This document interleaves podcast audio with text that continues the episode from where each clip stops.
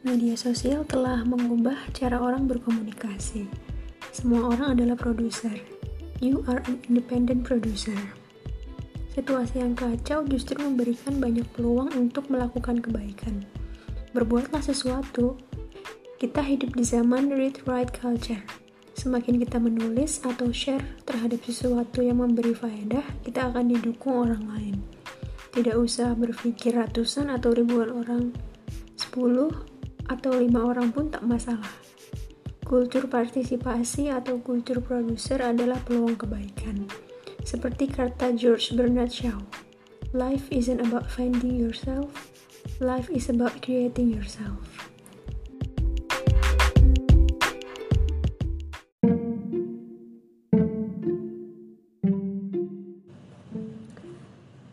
Cuplikan yang aku ambil dari buku judulnya Fish Eye kebetulan bukunya ini agak beda dari yang biasanya. Kan biasa kan buku isinya tulisan doang ini agak lain gitu. Karena yang bikin adalah praktisi periklanan pemasaran juga kreatif storyteller dan content creator.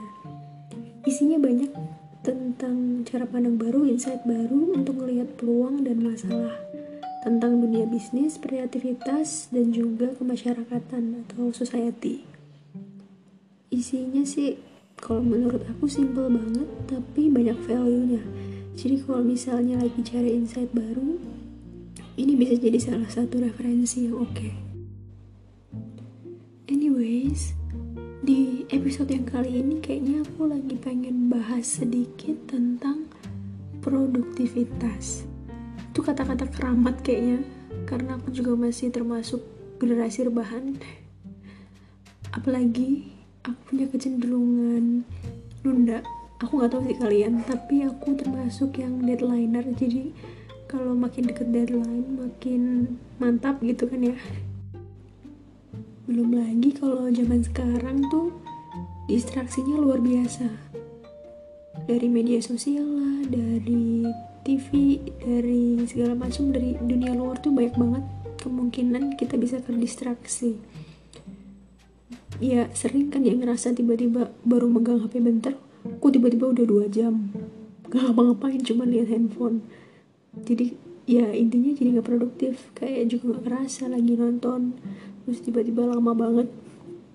Baru satu season tapi tiba-tiba udah setengah hari. Aku kadang-kadang mengalami hal itu. Jadi kayaknya tema produktivitas itu salah satu concern yang masih aku cari-cari juga gimana sih cara ngehacknya gimana cara ngatur dan kontrol supaya ya kita bisa lebih produktif setiap hari.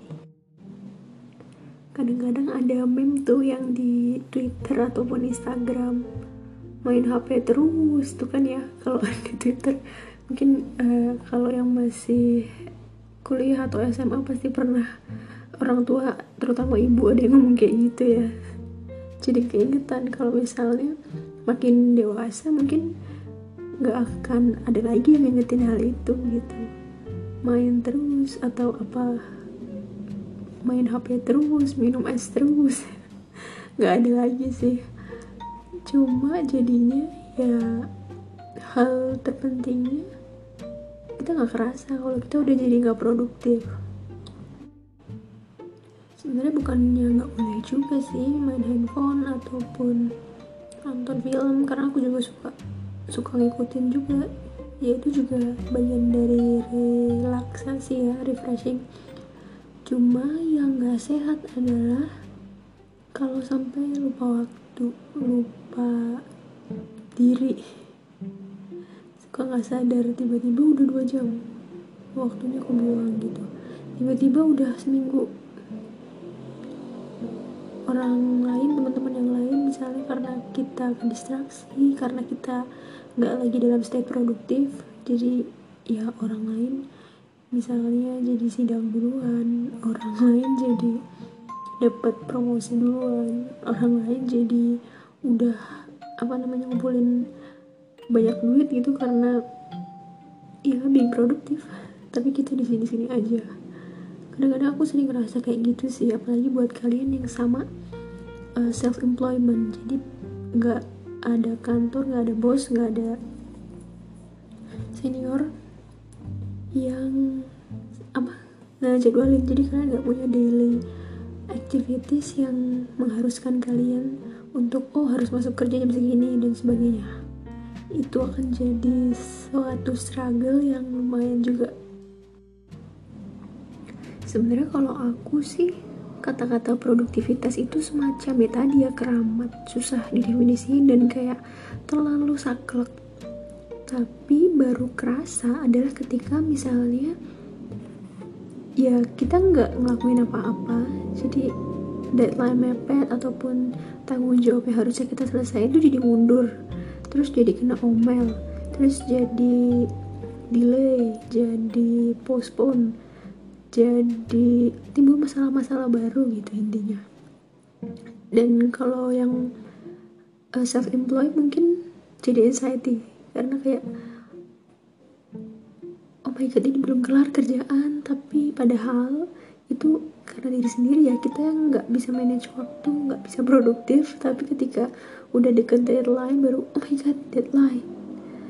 Jadi cemas gitu aduh ini bisa nggak ya? dan segala macam terus juga ketika kita lihat sekeliling comparing.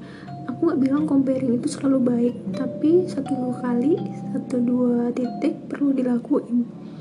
Karena kalau kita nggak comparing kita nggak sadar kita udah sampai di mana. Kayak mungkin orang-orang pada titik tertentu udah tadi udah ada sidang tapi kita belum. Kita masih jauh dari dari kata-kata itu gitu.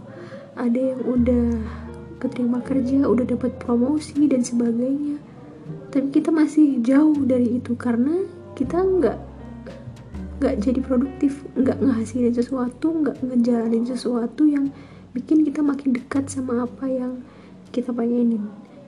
Kalau udah kerasa kayak gitu itu menurut aku ya maksudnya aku awal-awal nggak terlalu oh harus produktif oh produktif itu penting. Nggak. Tapi ketika udah ngerasain kayak gitu posisi-posisi uh, case kayak gitu baru. Oh ini ada yang salah. Oh, aku anxiety misalnya. Oh aku um, procrastinate suka nunda. Jadi kerjaan gak kelar-kelar. Jadi ada konflik lanjutan. Ketika lihat sekeliling teman-teman udah banyak yang punya pencapaian tapi aku masih jauh dari itu. Ketika ada perasaan-perasaan kayak gitu tuh barulah kayak oh berarti ini ada yang salah nih. Oh berarti emang selama ini aku distraksi selama ini aku nggak ngelakuin apa-apa padahal aku ngerasa ngejalanin hidup. Baru setelah itu aku baru yang oh berarti emang kita harus produktif ya setiap hari.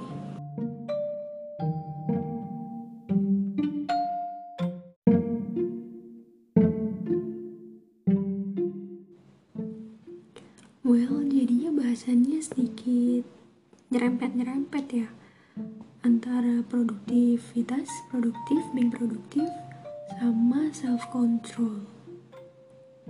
Kalau kesimpulan aku sih, ya kita nggak akan bisa jadi produktif kalau kita nggak punya self control sendiri kita nggak bisa jadi produktif kalau kita nggak manage diri sendiri intinya kayak gitu karena kita kan dari dulu ya dari kecil dari TK dari SD SMP SMA kita dibiasakan akan suatu kebiasaan jadwal. Yang dibikinin jadwalnya. Harus berangkat sekolah jam sekian makan jam sekian gitu. Pada masanya mungkin ada yang ngerasa capek ngerasa terberat hati gitu. Ngejalaninnya. Karena kayak oh my god berangkat jam 7 itu harus bangun jam berapa mandi segala macam males banget gak sih jadi ketika nyampe kuliah itu rasanya bebas bebas banget kan kayak kita bisa ngatur jadwal kita sendiri. Mau ambil kuliah siang semua karena kita nggak suka bangun pagi misalnya. Terus juga kuliahnya mata kuliahnya kan kita milih sendiri ya. Jadi segala macam ketika kuliah kita jadi nggak ada penjadwalan khusus. Bisa punya kontrol sendiri nah makanya tuh kayak yang masih generasi-generasi rebahan suka nunda deadlineer gitu kan. Ketika kuliah nggak ada suatu keharusan banget. Oh kamu harus naik kelas atau ganti semester itu kan nggak ada ya. Jadi ya terserah jadinya. Makanya masa lulus orang-orang tuh bisa beda-beda banget ada yang bisa kelewat lama salah satunya nggak nggak selalu ya. Mungkin ada yang memang memilih dan bersyukur juga kan hal itu. Tapi ada yang karena kurang self control dan hal itu akan keulang lagi ketika kerja gitu. Kalau misalnya kita kerja enak sih ya. Maksudnya kita apply kerja di suatu perusahaan jadi karyawan itu enak kan? Tetap ada jadwalnya ada targetnya job desk kita jelas. Terus apa namanya ada yang supervisi juga supervisi lagi. Supervisi ada yang ngecek gitu performa kita gimana semuanya masih ada sistemnya. Nah itu akan berbeda dengan orang-orang yang self employed karena kalau orang-orang yang tadi karyawan kemudian masih state kuliah itu masih jelas kata produktivitas itu keukur dengan oh berarti kalau kuliah produktif ya tugasnya terselesaikan. Um, lulus pada waktunya masing-masing gitu. Kerja juga oh project A kelar project B kelar target A tercapai target B tercapai gitu-gitu. Tapi kalau self employed kamu bisnis either bisnis atau freelance itu sama sekali nggak ada yang ngesetin kamu target. Nggak ada yang memaksa kamu dari luar untuk oh punya target sekian. Kamu harus tercapai. Kalau enggak kamu akan dihukum. Misalnya kalau kerja tuh misalnya potong gaji atau kena apa peringatan gitu-gitu ya kalau kuliah dan sebagainya lah. Macam-macam cara reward and punishmentnya tapi ketika self employed bisa bayangin dong ya beda. Makanya karena aku udah ngerasain juga pada state pada kondisi yang jadi self employed kata-kata produktivitas itu bukan lagi kata-kata yang sangat too good to be true malah justru lebih ke arah kebutuhan. Karena kalau kita nggak jadi produktif kalau kita nggak memposisikan diri kita untuk ayo tetap produktif ya kita bakalan stuck sendiri gak sih? Ya kita nggak gerak ke mana-mana intinya. Awalnya aku sebenarnya agak anti sih dengan kata-kata self control karena itu jauh lebih abstrak lagi daripada produktivitas. Tapi ketika udah menyadari kalau itu garisnya linear antara self control sama produktivitas akan lebih enak kalau misalnya kita mengacunya justru ke produktivitas. Daripada aku tuh pusing apa namanya inner talk sendiri self talk sendiri. Aduh aku nggak bisa kontrol. Jadi merasa bersalah sendiri aku lebih bisa terima kalau aduh aku nggak produktif. Kata-katanya agak lebih halus gitu kan dan yang jelas karena kata-kata produktif itu lebih bisa kelihatan bisa diukur bisa diset daripada kata-kata self control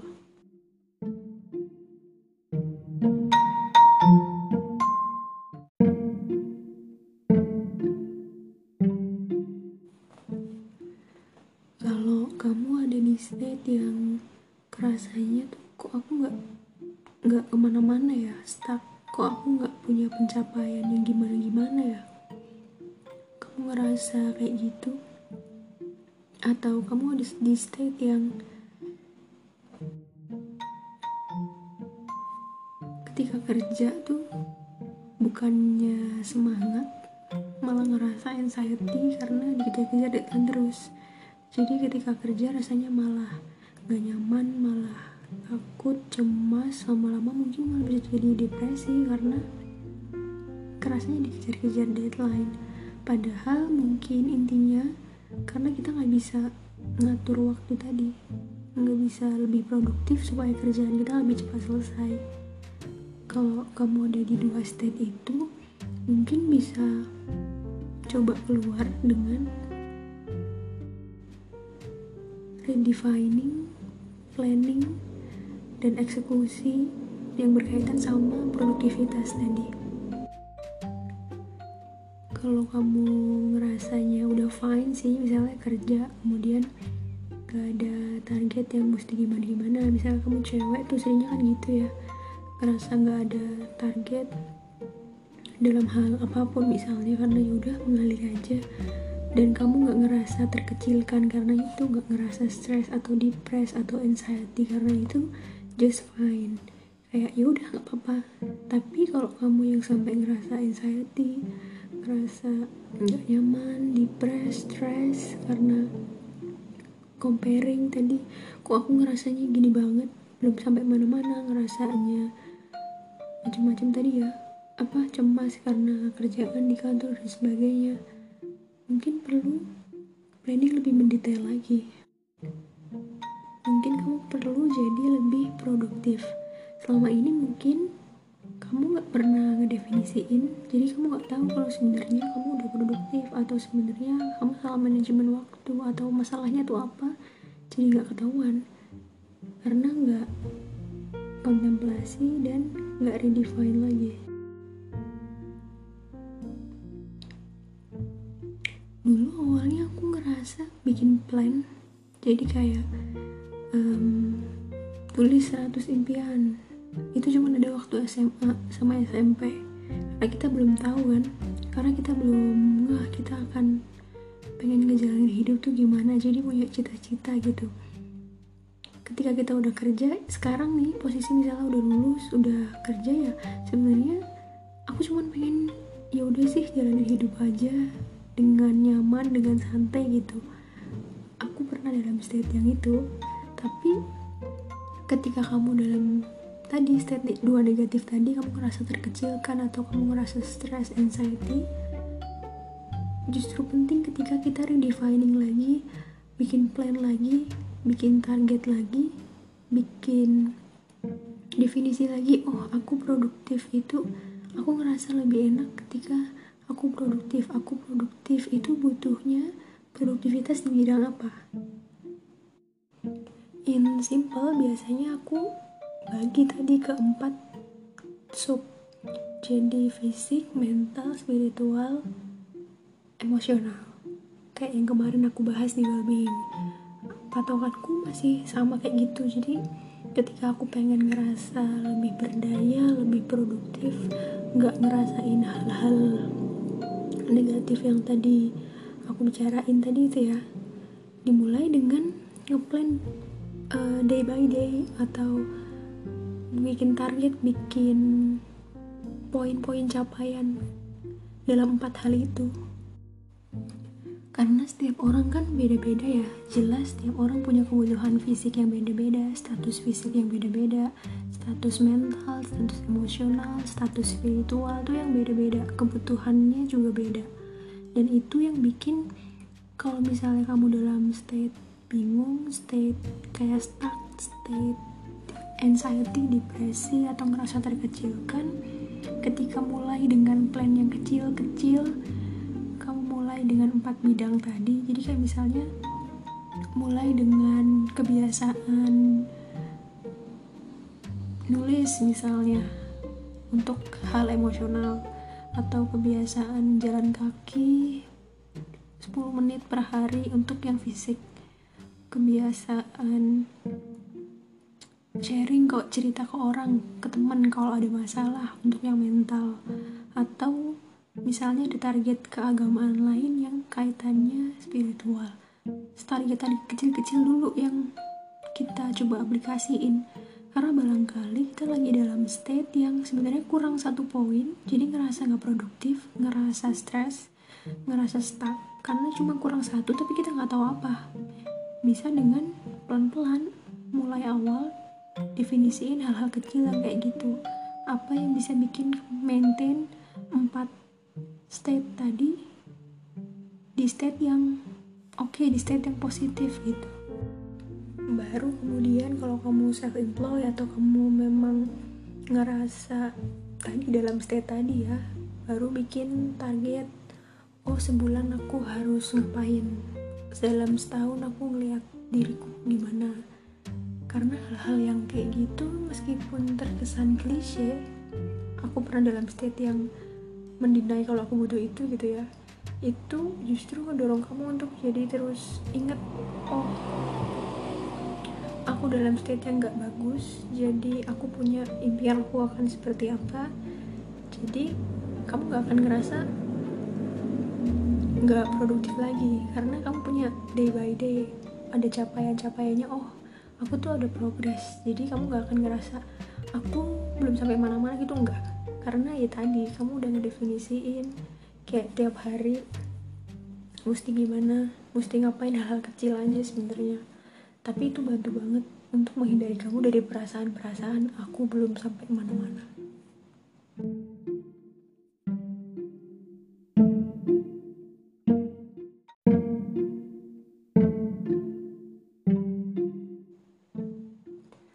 podcast ini mungkin akan cocok buat kamu yang perasa dan pemikir ya karena omonganku udah kebaca apa yang dirasa dan apa yang dipikir gitu kan. But just fine karena aku yakin sih pasti adalah sekali dua kali sekelebat dua kelebat pernah mikir kayak gitu. Alhamdulillah sih kalau kalian gak pernah dalam state yang ngerasa dikecilkan atau minder atau anxiety, depres tapi kalau kalian dalam state itu boleh dicoba dengan langkah-langkah kecil kayak tadi. Karena buat aku itu lumayan ngebantu. Jadi kita nggak perlu comparing yang ke orang lain. Orang lain sekarang temen tuh udah jadi manajer misalnya. Tapi kita yang self employed nggak mungkin dong jadi manajer gimana caranya kita nggak ada jenjangnya. Tapi kita punya definisi sendiri misalnya. Jadi kita nggak ngerasa kita nggak sampai mana-mana dan kita nggak produktif. Jadi nggak perlu anxiety lagi gitu. Hal kecil kayak gitu yang mungkin untuk orang-orang perasa, orang-orang pemikir, orang-orang self employ, ibu-ibu, cewek-cewek yang um, memilih untuk jadi ibu rumah tangga atau stay at home mom itu kadang-kadang kepikiran, kadang-kadang ngerasa, tapi itu bisa jadi salah satu pegangan sih kalau aku. Karena kita jadi lebih oh ketika ngerasanya gini kita harus gini. Kadang-kadang kan kalau cewek omongannya hormon ya jangan-jangan tuh lagi hormon atau memang ya karena perasaan kita doang karena pemikiran kita doang kita overthink gitu. Tapi semuanya bisa dibawa lebih simple kalau aku. Karena mungkin agak sedikit complicated in simple way lebih enak kayak gitu. Target target gitu juga selain menjauhkan kita dari perasaan yang oh kita belum sampai mana-mana nih yang kayak tadi aku sebut ya. Tapi itu juga bikin ketika kita ngerasa capek dengan rutinitas kayak kok aku gini-gini aja hidup? Itu ngerasa ada sesuatu yang kita capai. Ketika misalnya oh aku ngerasa bosan banget sama rutinitas aku ngerasa gini-gini terus hidup. Kalau kita punya in daily basis target kemudian misalnya um, satu bulan satu tahun ada yang ada targetnya gitu ya. Perasaan yang tadi yang kayak kok gini-gini aja tuh pasti nggak bakalan sehebat itu perasaannya. Karena ya kita punya tujuan gitu punya mirror. Oh aku pengen yang kayak gitu. Sekarang ini aku nggak kayak gitu jadi ada ada hal yang perlu aku lakuin. Ada sesuatu yang aku kejar intinya gitu. Jadi nggak ngerasa bosen. Dan juga ya kalau bosen mungkin jelas bisa dibantu dengan ini ya apa namanya random activities otomatis. Nggak semuanya mesti juga hal-hal yang ribet tapi jangan lupa ketika memang kamu termasuk yang setuju juga oh planning in daily basis itu penting. Maksudnya hal-hal kecil hal-hal daily ataupun hal-hal simple target terhadap diri sendiri itu penting. Jangan lupa juga jangan cuma target. Ini masalah yang biasanya dihadapi dalam setiap tahun baru. Biasanya ada resolusi. Well itu juga aku juga pernah sih dalam state itu.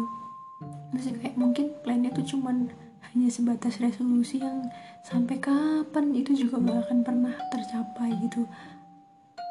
Untuk ngehindarin itu karena ada yang kayak gitu ya. Dan untuk menghindari itu kita mesti benar-benar uh, bikin hack kita itu bisanya dengan cara yang kayak gimana. Kita ngakalin diri kita tuh dengan yang kayak gimana. Kalau aku lebih ke ya aku settingnya detail. Jadi sampai per minggu misalnya. Targetnya itu ada misalnya satu minggu harus jalan tadi ya yang aku sebut. Itu detail dan ada alarmnya. Tiap minggu ada apa namanya pencapaiannya. Kita mesti lihat kita mesti ada yang ingetin kalau misalnya ada support system enak ya. Kamu pernah bilang kamu akan seperti ini mana buktinya? Itu enak. Tapi kalau nggak ada kita mesti dengan diri sendiri ya. Dengan hack self. Ngehack self. Ngehack diri kita sendiri. Jadi tadi kalau aku dengan bikin alarm misalnya. Alarmnya bener-bener simple ya. Maksudnya kita harus ngukur juga. Misalnya tadi harus lihat misalnya dalam hal fisik. Oh punya target jalan. Jalannya jangan terlalu muluk-muluk. Kayak kita tahu sendiri lah ya kita orangnya mager. Nggak mungkin tiba-tiba tiga hari tiga hari sekali misalnya untuk kita harus harus apa namanya dua kali misalnya. Ya cukup sekali aja dulu pelan-pelan tapi terukur. Itu sih yang aku pernah dapat dari berbagai macam referensi supaya untuk menghindari plan kita resolusi kita nggak tercapai. Jadi kayak resolusi atau plan atau impian atau target jangan hanya ngambang ngawang. Aku ingin jadi diri yang lebih baik. No big no. Tapi ke action jadi daily. Serinci mungkin se bisa diukur mungkin. Dan makanya ini bukan cuma untuk ya yang kerja. Jadi kayak untuk semua orang tuh bisa. Aku ngalamin sih ngeliat juga maksudnya mungkin problem ibu-ibu rumah tangga temen-temenku yang cewek yang memang nanti pengen jadi ibu rumah tangga kayak ya udah sih gak usah punya plan ya udahlah uh, jalan hidup, hidup aja nanti. Toh juga ada tanggungan ngurus anak ngurus suami dan sebagainya. Tapi kadang-kadang tadi itu pasti ada satu dua titik ngerasa kok nggak sampai mana-mana kita? Karena ibu rumah tangga sampai mana gitu kan. Tapi itu aku yakin akan berkurang banyak ketika kita punya target-target kecil eh, capaian-capaian kecil yang simple kaitannya sama diri sendiri yang kita bisa ukur dan bikin kita nggak ngerasa kayak gitu nggak ngerasa negatif.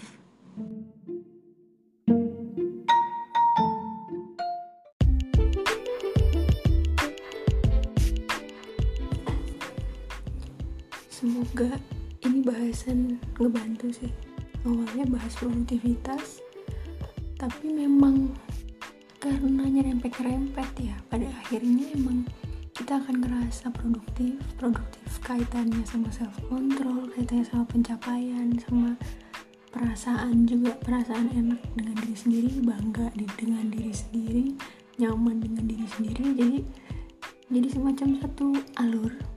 Cuma semoga ini tidak membingungkan karena emang di awal aku coba coba dulu maksudnya lakuin dulu in detail baru kerasa oh emang in detail kemudian dibagi jadi empat uh, pakai konsep well-being itu ada pengaruhnya.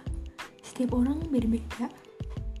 Tapi kalau aku pribadi memang setiap orang punya empat kebutuhan itu dan yang bisa ngakses kita sendiri. Semoga kamu gak ngerasain hal-hal negatif yang aku sebutin tadi sih. Cuma kalau ngerasa ya mungkin tadi yang uh, kita omongin bisa dicoba dulu supaya bisa bantu kamu untuk keluar dari perasaan yang gak nyaman itu dulu. Karena ya yang namanya anxiety, depress, stress ngerasa dikucilkan, ngerasa minder ngerasa gak ada pencapaian apa pun ngerasa dalam tanda kutip gak berguna itu destroying ngancurin diri sendiri. Semoga kamu gitu ya dan semoga kamu terus empower terutama buat yang cewek-cewek.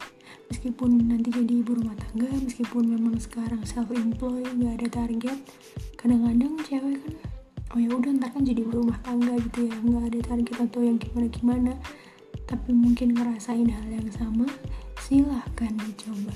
Silahkan explore diri sendiri. Oke okay, then mungkin bahasannya ini dulu. Nanti kita akan bahas hal-hal yang lebih menarik tentang konsul-konsul lain. Terima kasih ya sudah dengerin. Sampai jumpa lagi di podcast dialog lainnya. Thank you